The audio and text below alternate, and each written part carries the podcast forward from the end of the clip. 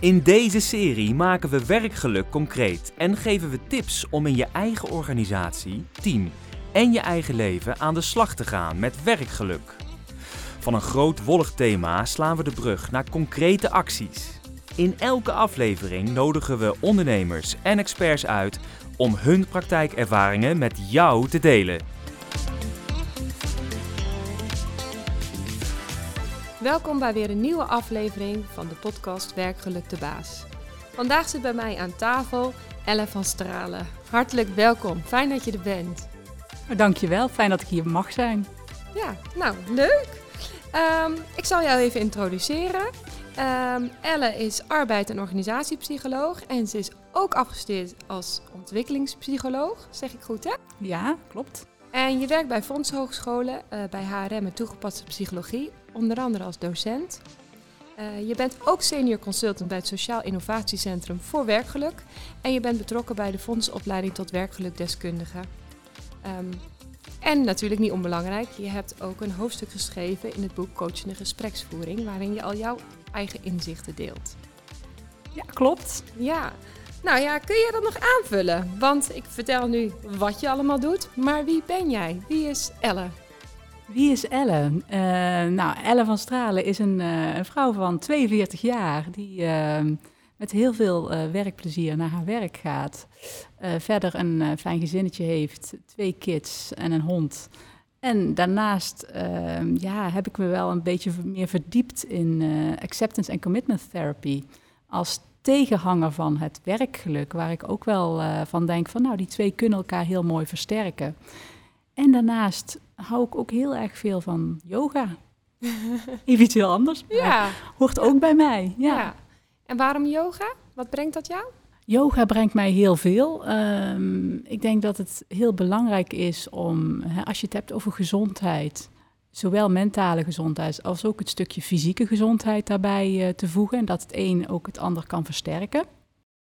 En yoga is een manier om contact te maken met je lijf uh, en contact te maken met je ademhaling. En op die manier uh, rust te creëren en meer verbinding te creëren met jezelf. Even in het moment. Ja, ja, ja. absoluut. Ja. Mooi. Toen we spraken over de podcast en toen ik jou uitnodigde om deel te nemen aan uh, een van de afleveringen van de podcast, toen wilde je het gaan hebben over de andere kant van geluk. Ja. Ongeluk. Ja, ja, klopt. En uh, nou ja, wat mij betreft, uh, ongeluk en geluk horen bij elkaar. Net als yin en yang bij elkaar horen. Um, dus ik dacht ook, er wordt al heel veel gesproken over geluk en dat is heel belangrijk. Maar het nastreven van geluk kan ook juist zorgen dat je je ongelukkig voelt. Hè, dat, er een druk, dat je een druk ervaart in het gelukkig zijn. Dat je het perfecte gezin wil hebben, die perfecte baan. En dat alles er mooi uit moet zien.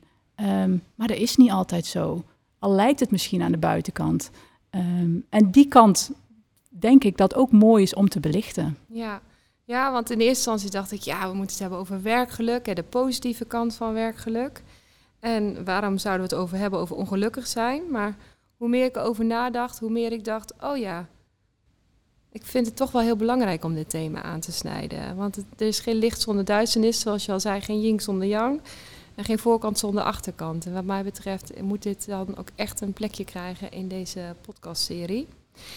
Ook omdat ik in mijn eigen onderzoek naar werkgeluk, uh, of naar geluk en leiderschap, um, ook heel erg een soort van, nou ja, eigenlijk soul searching heb moeten doen. Van waarom spreekt dit thema mij nou eigenlijk zo aan? Waarom fascineert mij dit zo? En ik besefte me dat dat ook komt door mijn eigen achtergrond. Want de bron van mijn um, van mijn fascinatie voor geluk, voor werkgeluk, ligt ook in het feit dat geluk voor mijzelf niet altijd vanzelfsprekend is geweest. Um, en ik vind het echt super moeilijk om dit te delen. Want uh, ja, dat is niet iets waar je vaak over spreekt of wat je zo makkelijk even eruit gooit. Maar ik vond het wel belangrijk om het aan te raken. Want ik heb zelf heel veel periodes van depressie gekend. Al nou ja, sinds mijn tien jaren ben ik meerdere malen depressief geweest. En dat voelde altijd enorm als een zwakte. En ik merk nu ik het zo uitspreek, voelt het nog steeds als een soort van zwakte. Sterker nog, er zijn, nou, wat ik zei, tot op de dag van vandaag maar heel weinig mensen van, die dit echt van mij weten. nou slinger ik het de wereld in. Terwijl ik het eigenlijk liever voor mezelf houd. Want ja, dat is het stemmetje in mijn hoofd die zegt, ja, je, neemt iemand die ooit depressief is geweest nou serieus, hè? Uh, maar eigenlijk is dat natuurlijk niet waar, want je kunt heel goed succesvol zijn um, in het bedrijfsleven um, met alles wat je in je rugzak hebt. Maar in dat stemmetje in mijn hoofd zegt altijd, ja, nee, maar je moet ambitieus zijn, je moet perfect zijn, je moet succes hebben, je moet alles onder controle hebben, kansen grijpen wanneer die zich aandienen. Maar ja, nu ik ouder word, ben ook alweer, ben ook alweer 40, hè, besef ik me echt goed dat die perceptie me juist de duisternis in heeft geleid. Dat juist dat streven naar dat onbereikbare, hè, dat, dat, perfectionisme, uh, dat dat helemaal niet helpend is. En alleen maar gelukkig zijn, ja, dat is een illusie. Nou ja, dat, precies wat jij zegt. Uh, we willen het heel graag, maar het is onmogelijk om alleen maar gelukkig te zijn. Uh, sterker nog, um, het is helemaal niet zo'n natuurlijke staat van zijn, gelukkig zijn. Veel mensen zijn ongelukkig. En wat jij nu vertelt, vind ik heel knap, hè? dat je daarin echt nou ja, je kwetsbare kant toont. Um, en als je kijkt naar de cijfers, zijn er heel veel mensen met ja. depressies.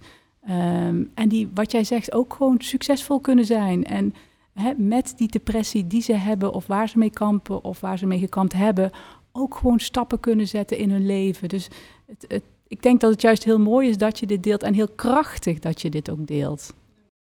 Ik las laatst het boek De kwetsbare kracht van Brene Brown. En, um, en toen besefte ik me dat juist mijn kwetsbare kant en mijn donkere periodes maken dat ik gekomen ben waar ik nu sta. Hè. Het helpt me eigenlijk. Het zou me kunnen helpen om anderen beter te begrijpen.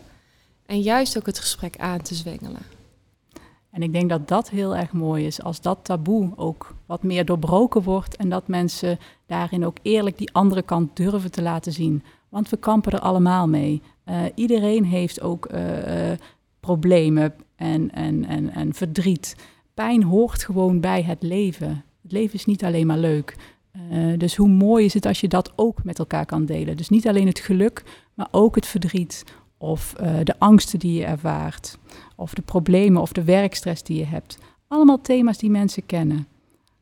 Ja, ja en, en toch ook als ik bij bedrijven kom en met het thema werkgeluk, dan merk ik ook dat dat ook als je het over werkgeluk hebt, zeg maar, dus geluk in je organisatie, dat het vooral gaat over de leuke kant. Het moet gezellig zijn, we moeten ja. teamuitjes, een gezonde kantine, we moeten vooral uh, de leuke dingen met elkaar delen, successen delen. En wat allemaal natuurlijk hartstikke goed is, hè? Ja. Begrijp me niet verkeerd, niks ten nadele van dat.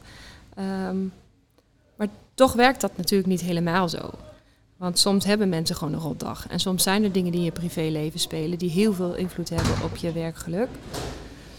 En um, nou, hoe ga je daar dan mee om? Hoe mag dat ook een plek hebben? En hoe ga je daar dan als leidinggevende mee om? Ja, ja dat, dat lijkt me heel, uh, heel mooi als dat een plekje kan hebben. Iedereen heeft wel eens een off-day. Uh, waar je je wel, denk ik, bij stil moet staan is... Um, ga ik iets vermijden of heb ik gewoon een rotdag? Want daar zit wat mij betreft wel een verschil in. Uh, in de zin van, um, als je je niet prettig voelt... Um, omdat er iets gaande is op je werk, ga je het daarom vermijden? Of doe je het omdat je een off-day hebt?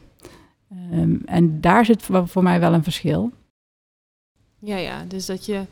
Heeft het dan te maken met dat je mag denken: oké, vandaag is gewoon een rotdag. Ik zit even niet op mijn plek. Ik zet me er weer overheen? Of hoe, werkt dat dan? Ja, soms mag je dingen wel aangaan. Wat, wat denk ik een hele belangrijke is, is dat je uh, dat, dat, dat onprettige gevoel wat je hebt, wat iedereen wel eens heeft, die onprettige gedachten die je hebt, um, dat, je, dat die er mogen zijn. Hm. Dus dat je de bereidheid hebt om uh, ze, ze gewoon toe te laten en ze er te laten zijn. En uh, je niet probeert ze weg te duwen. Uh, of te vermijden. Of wat jij heel mooi zei in het begin, hè, ik wilde controle. Mm -hmm. uh, we willen allemaal heel graag controle over alles in het leven, ook over onze gedachten. Maar dat is best lastig. En hoe meer je je daartegen gaat vechten of verzetten, hoe sterker het terugkomt. Hè. Je kunt het zien als een boemerang die je weggooit. Hè. Misschien heb je wel uh, negatieve gedachten over, nou, ik kan deze klus niet. En, en, en hoe meer je je daartegen verzet, en het vermijdt, hoe sterker die gedachte eigenlijk weer terugkomt. Dus het, het vechten of het uh, weggooien of het vermijden, dat werkt niet. Maar laat er maar tot je komen. Oké, ja, ik, ik vind het een lastige klus. En ik, ik heb eigenlijk best wel angsten dat ik hem misschien niet aan kan. Um, en dan wel checken bij je waarden. Maar wat vind ik belangrijk?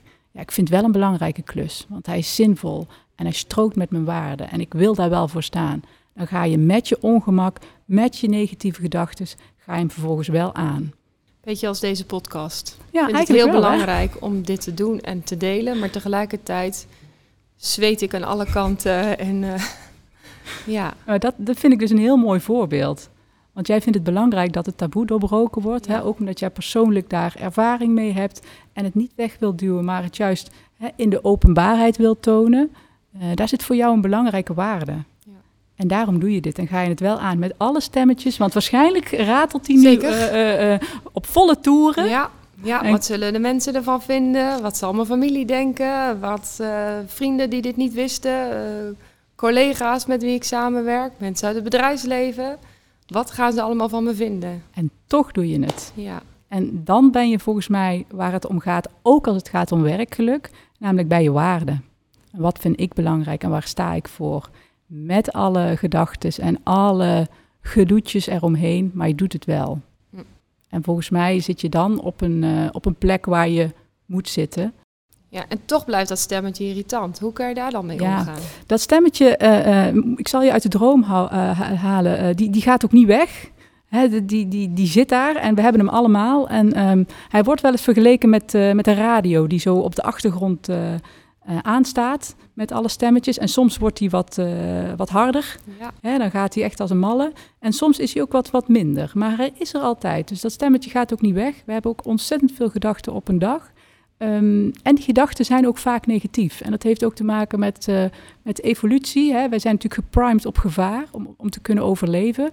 En nu zitten we in een hele andere omgeving als tig jaar geleden. Maar dat, dat is nog steeds de manier waarop wij denken. Maar daar kun je wel iets aan doen. Je kunt daar wel mee leren omgaan, uh, Rosalie. Oké, want dat stemmetje, als ik jou goed begrijp, dat uh, behoedt je eigenlijk voor gevaar. Dat waarschuwt eigenlijk voor mogelijk ja. dreiging. Ja, klopt, klopt. Uh, nou ja, in, in, in, denk even aan hele vroegere jaren was het natuurlijk heel belangrijk dat wij alert waren op gevaar om te kunnen overleven. Um, nu is dat anders, maar dat stemmetje is er nog steeds en waarschuwt ons nu voor dingen waar we eigenlijk veel minder bang voor hoeven te zijn. Dus die overlevingsstrategie is niet meer zo nodig, maar hij zit er nog wel maar er zijn wel manieren. En ik, ik vind het eigenlijk wel leuk om, uh, om, om, om eens een oefening met je te doen, uh, Rosalie. Een oefening met mij? Ja. Om ben je van plan? Ik, uh, ik wil eigenlijk wel eens kijken of, of we iets met jouw stemmetje kunnen doen. Oké, je maakt het me niet heel makkelijk, maar um, we zijn nou toch bezig. Kom maar op.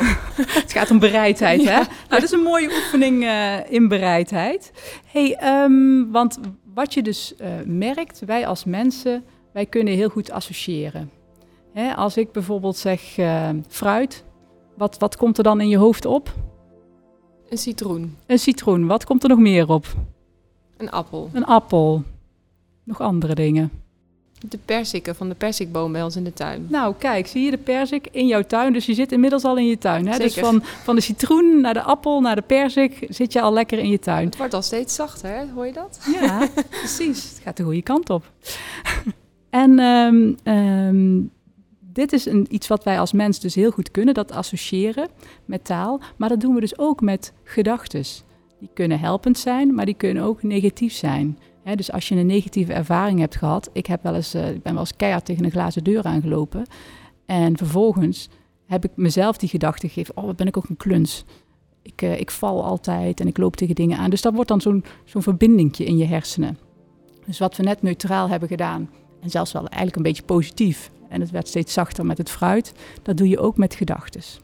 En daar wil ik een, eh, een oefening met jou doen. En uh, nou ja, we hadden het net al over fruit. Daar gaan we gewoon nog lekker even blijven. Oké, okay, ja? lekker. Krijg ja? honger. Oké. nou, we zitten al, al lekker rustig in onze stoel. En ehm, volgens mij zit je ook comfortabel, Rosalie. Klopt dat? Ja. Oké.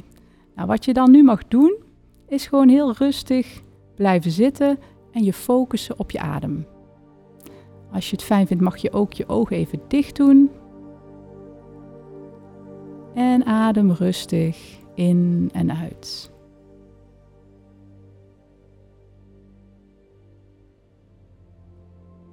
En voel het ritme van jouw ademhaling.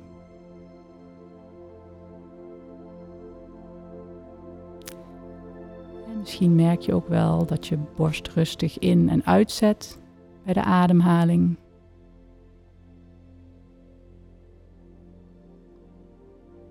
En blijf dat volgen.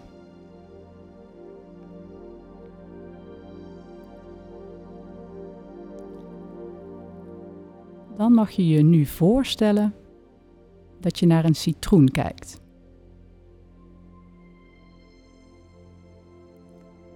Stel je echt goed een citroen voor.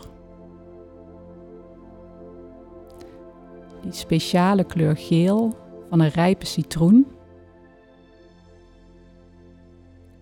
Neem die helemaal in je op.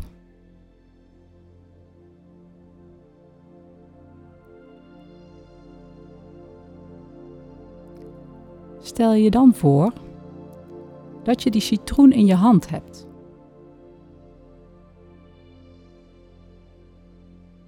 Je voelt het gewicht. Je voelt de temperatuur. Voelt de ruwe schil.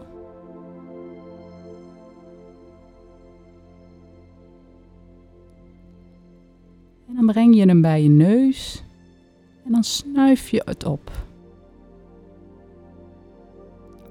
Je kunt die speciale geur van citrus door de schil heen ruiken.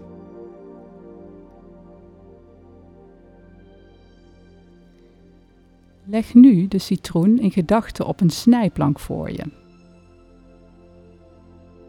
Dan pak je een mes en je snijdt hem doormidden. Je kunt het druppeltjes zien verstuiven. Je kunt het sap over je vingers voelen. En nu kun je echt goed die geur van citrus ruiken.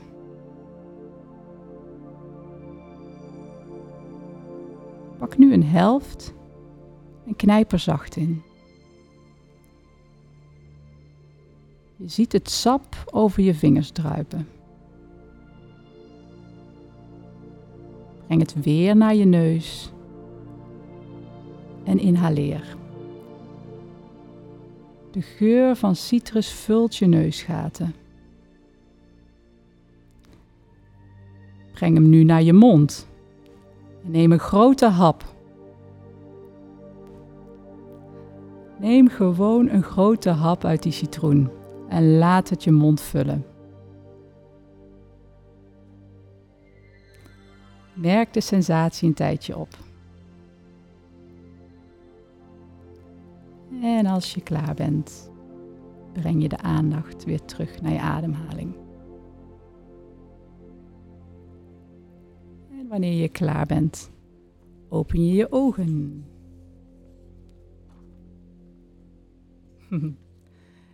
en wat heb je ervaren, Rosalie? Ja, wat ik, wat ik merkte is dat je het ook echt. Nou, ehm, ik, ik voelde het echt op mijn handen. Ik, ik rook de geur. En toen, toen je zei dat snij hem door midden en breng hem omhoog of ruik eruit, dacht ik, oh geen hap, oh geen hap. Dat is natuurlijk helemaal niet echt, maar het ging wel door mijn hoofd. Ja. En toen nam je de hap en toen? Ja, toen moest ik eigenlijk om mezelf lachen. Dat ik dacht, oh ja, ik, ik, ik voel het, ik proef het gewoon. Ik voel het gewoon en ik wil dit niet.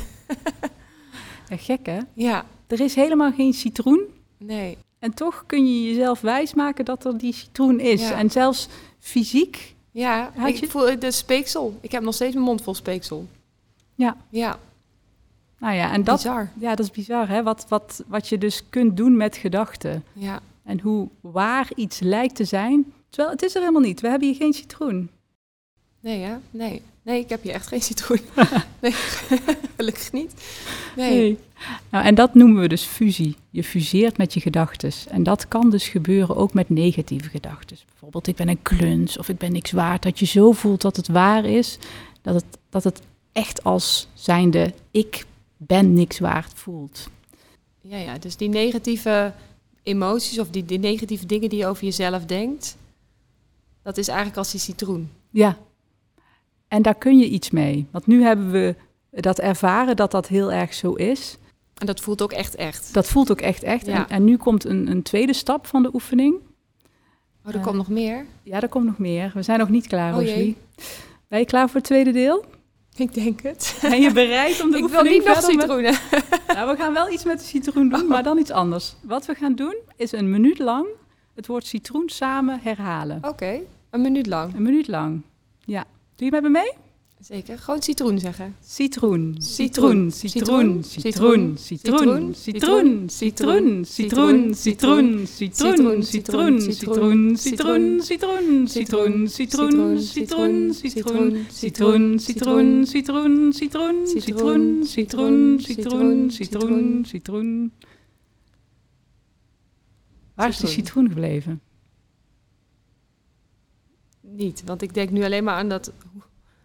Aan dat er komt weer een ander stemmetje omhoog, maar ik, ik denk meer aan citroen als woord. Ja. Niet meer aan die citroen in mijn hand. Nee. Voel je nog iets van sensaties? Nee. Nou, en dat noemen we diffusie. Diffusie. Diffusie, ja, zo, zo noemen we dat dan. Eh, en dan neem je dus afstand van die gedachten. En de gedachten zijn, worden heel plat. Eh, het is maar een gedachte. En de negatieve lading, de lading die je hebt ervaren met je sensaties rondom die citroen, die zijn weg. En waar we het net over hebben gehad met negatieve gedachten, zo zijn er dus ook diffusietechnieken die je kunnen helpen om die lading van die negatieve gedachten ehm, wat te verminderen of wat meer afstand te nemen van die gedachten. Waardoor jij die gedachten nog steeds hebt. Die blijven, die gaan niet weg. Die gaan niet weg. Je hebt ze, maar je hebt wat meer afstand. Het is wat lichter en wat luchtiger daardoor. Ja. En dat kan helpen. Dus ze niet wegstoppen, dat is wat ik je hoor zeggen. Stop ze vooral niet weg, maar laat ze er zijn. Ja. En, en laat ze ook weer gaan. Ja, neem er wat afstand van. Wat eigenlijk het uitgangspunt is, jij bent niet je gedachten, je hebt ze. En zie het als een raadgever. Iemand die je wil adviseren of je wil waarschuwen. En soms kan het helpend zijn en dan is het heel fijn. Maar als je merkt dat je daar last van hebt of dat je er beperkt door wordt, dan kan je dus dit soort manieren eh, toepassen om er net even wat meer afstand van te nemen. Mooi. En dat kan helpen. Ja, mooi. Mooi hoe je dat ehm, zo laat ervaren. Ja, dankjewel. Ja. Met die wetenschap, hè? Als we, ehm, eh, als we dan weten van, nou, die stem die heeft iedereen in zijn hoofd. Eh, dus als je die rotdag hebt op je werk en die stem die is dus overheersend, dat is die irritante radio die de hele tijd blijft tetteren op je schouder. Ja. Ehm, wat kun je daar dan mee, behalve dan dat ervaren? Ik, ik zou zeggen, in het begin dacht ik even van, nou, je gaat ons nou advies geven om je lekker in een dekentje te wikkelen en op de bank te gaan liggen Netflixen. Nee. Dat is niet de bedoeling, hè? Nee, nee. nee. Maar wat kunnen we er dan wel mee op de werkvloer in Ja. het hier en nu? Ja, dat is een hele mooie vraag. Ehm, waar we het al eerder over hebben gehad, wat denk ik heel belangrijk is, check in op je waarden. Wat vind jij belangrijk? Eh, en met die eh, negatieve gevoelens of gedachten die je hebt, maak ook die check van, nou, wat is voor mij belangrijk? Waar wil ik voor staan? En als het inderdaad een presentatie is waar je tegenop kijkt, of deze podcast waarvan je denkt van, ah, ik vind het eigenlijk wel heel erg spannend om dit te delen en om dit te doen, check dan maar waarom, waarom doe ik dit eigenlijk? Hè? Mhm. Waarom is dit belangrijk voor mij? En in welke zin Ehm, past het bij mij of past het niet bij mij? Want soms kunnen dingen ook wringen omdat je de verkeerde keuze hebt gemaakt. Of eh, dat je ja hebt gezegd tegen iets waarvan je achteraf denkt van... oh, maar dat past eigenlijk helemaal niet bij mij. Dat zou ik eigenlijk helemaal niet moeten doen. En ik denk dat dat belangrijk is, dat je die bewustwording bij jezelf creëert. En vanuit daar ook keuzes kunt maken die echt eh, passen bij waar jij voor staat. Ehm, dus inderdaad, we gaan niet het, het negatieve vermijden, want het is er, die negatieve gedachten. Maar met die negatieve gedachten die we hebben en waar we ook mee kunnen omgaan en waar we mee kunnen spelen, wel kijken waar sta ik voor, wat vind ik belangrijk, waar word ik ook blij van. Eh, en vervolgens dat doen en dat aangaan. Dus ook een stukje bereidheid om het ongemak ook gewoon er te laten zijn. En met dat ongemak die stap te zetten. Ja, mooi. En wat ik ook merk in mijn werkomgeving is dat het soms ook helpt om het gewoon uit te spreken. Juist. Gewoon te zeggen. En dan merk je ineens dat de ander dat ook denkt, of heeft, of vindt. Of, Ja. Of juist niet. Ja, en dat mag er ook zijn. We hebben allemaal wel eens een rotdag. En ehm, nou ja, om dat inderdaad uit te spreken, dat, dat helpt al. En het feit dat iedereen het heeft en dat je dat met elkaar kan delen, dat verlicht ook. Om toch even de brug te maken ook naar leiderschap, hè? want deze podcast gaat over geluk, werkgeluk, maar ook over een stukje leiderschap. Ehm, wat ik heel vaak merk is dat uh, managers, leidinggevenden de neiging hebben om als mensen met issues naar ze toe komen, om dat dan te willen oplossen. We zijn probleemoplossers met elkaar. Je kunt iemand anders echter niet gelukkig maken. Ik zeg altijd, hè, iedereen is ah, verantwoordelijk voor zijn eigen geluk. Je hebt als leidinggevende wel je kunt daar wel in supporten, je kan wel een steuntje in de rug geven, maar je hoeft niet altijd alles op te lossen. Als we het hierover hebben, wat kun je dan wel doen als leidinggevende? Nou, ik denk dat je een aantal dingen kan doen. Um, ten eerste zorg dat er ruimte is um, om het hier met, uh, met je medewerkers ook over te hebben, om dit gesprek ook aan te gaan um, en te luisteren. Luister echt naar die ander. Geef die ander echt de ruimte om zijn of haar verhaal te doen. Ik denk dat dat een hele belangrijke is, zonder oordeel. Want uh, we zijn al bang genoeg voor ons eigen oordeel en wat we denken dat anderen vinden. Dus uh, probeer dat oordeel ook vooral los te laten en echt te luisteren met aandacht naar je medewerker. Dus dat is denk ik een hele belangrijke. Uh, wat jij ook zegt, absoluut waar. Je kunt het niet altijd oplossen. Je kunt wel samen kijken wat diegene nodig heeft of wat kan helpen. Um, en ik denk dat ook heel belangrijk is om te laten zien, ook als leidinggevende, ik ben niet perfect. Ik heb ook mijn kwetsbaarheden. Ik weet het soms ook niet. Ik heb ook wel eens twijfels. Uh, dus durf je ook kwetsbaar op te stellen naar je medewerkers. Um, daarmee, ja, daar, daarmee laat je zien, je bent mens. Ja, en geef je een voorbeeldfunctie dat dat mag. Dat het er mag zijn. Absoluut waar, ja. ja. Mooi, dankjewel. Zijn er nog tips die je mee wil geven die we nog niet hebben geraakt? Gewoon de tip dat je ook goed naar jezelf blijft luisteren. Ook in het hier en nu contact blijven houden met jezelf en met je lijf. En waar je op dat moment staat. En neem signalen serieus. Ik denk dat dat een hele belangrijke is. Kun je dat even toelichten? Als je merkt dat je hoofdpijn hebt, dan heb je dat om een reden. Of als je moe bent, of als je merkt dat je er even niet lekker bij zit, dat je even dat moment pakt en even voelt, oh ja, wat is er aan de hand? Laat het er zijn. Laat het er zijn. Ben bereid om naar jezelf te luisteren. Mooi. Dat is een mooie afsluiting, denk ik. Ella, ik wil je heel erg bedanken voor jouw eh, bijdrage aan deze podcast en je waardevolle tips en inzichten. Ook voor de uitdagende oefening die je me hebt laten doen. Ik hoop dat uh, de luisteraars hem ook hebben mee kunnen doen. Of eventueel nog even kunnen terugspelen om hem uh, op een rustig moment uh, voor zichzelf te doen. Want het is echt een mooie ervaring. Dank je wel daarvoor. Heel graag gedaan. Jij ook bedankt. Als je meer wilt lezen over dit onderwerp of over de onderwerpen die we vandaag hebben besproken, dan kan ik je adviseren om het boek Coachende Gespreksvoering van Wim Donders en Lisbeth Ruis aan te schaffen of te lezen. Uh, Ellen heeft daar ook het uh, hoofdstuk over acceptance en commitment therapy geschreven. En Ellen, je hebt nog een aantal tips van boeken die je echt moet hebben gelezen als je meer wil weten over dit onderwerp. Welke zijn dat? Boeken die, uh, die je zeker moet lezen zijn The Happiness Trap van Russ Harris en daarnaast het boek Time to Act van Gijs Jansen en Tim Batink. Ik wil de luisteraars hartelijk danken voor het luisteren. Ben je nou enthousiast over deze podcast?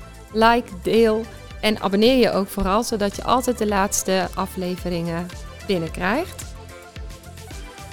Wil je zelf een keertje aan, bij mij aan tafel zitten of wil je meer weten over het onderwerp? Heb je nog vragen, opmerkingen, reacties?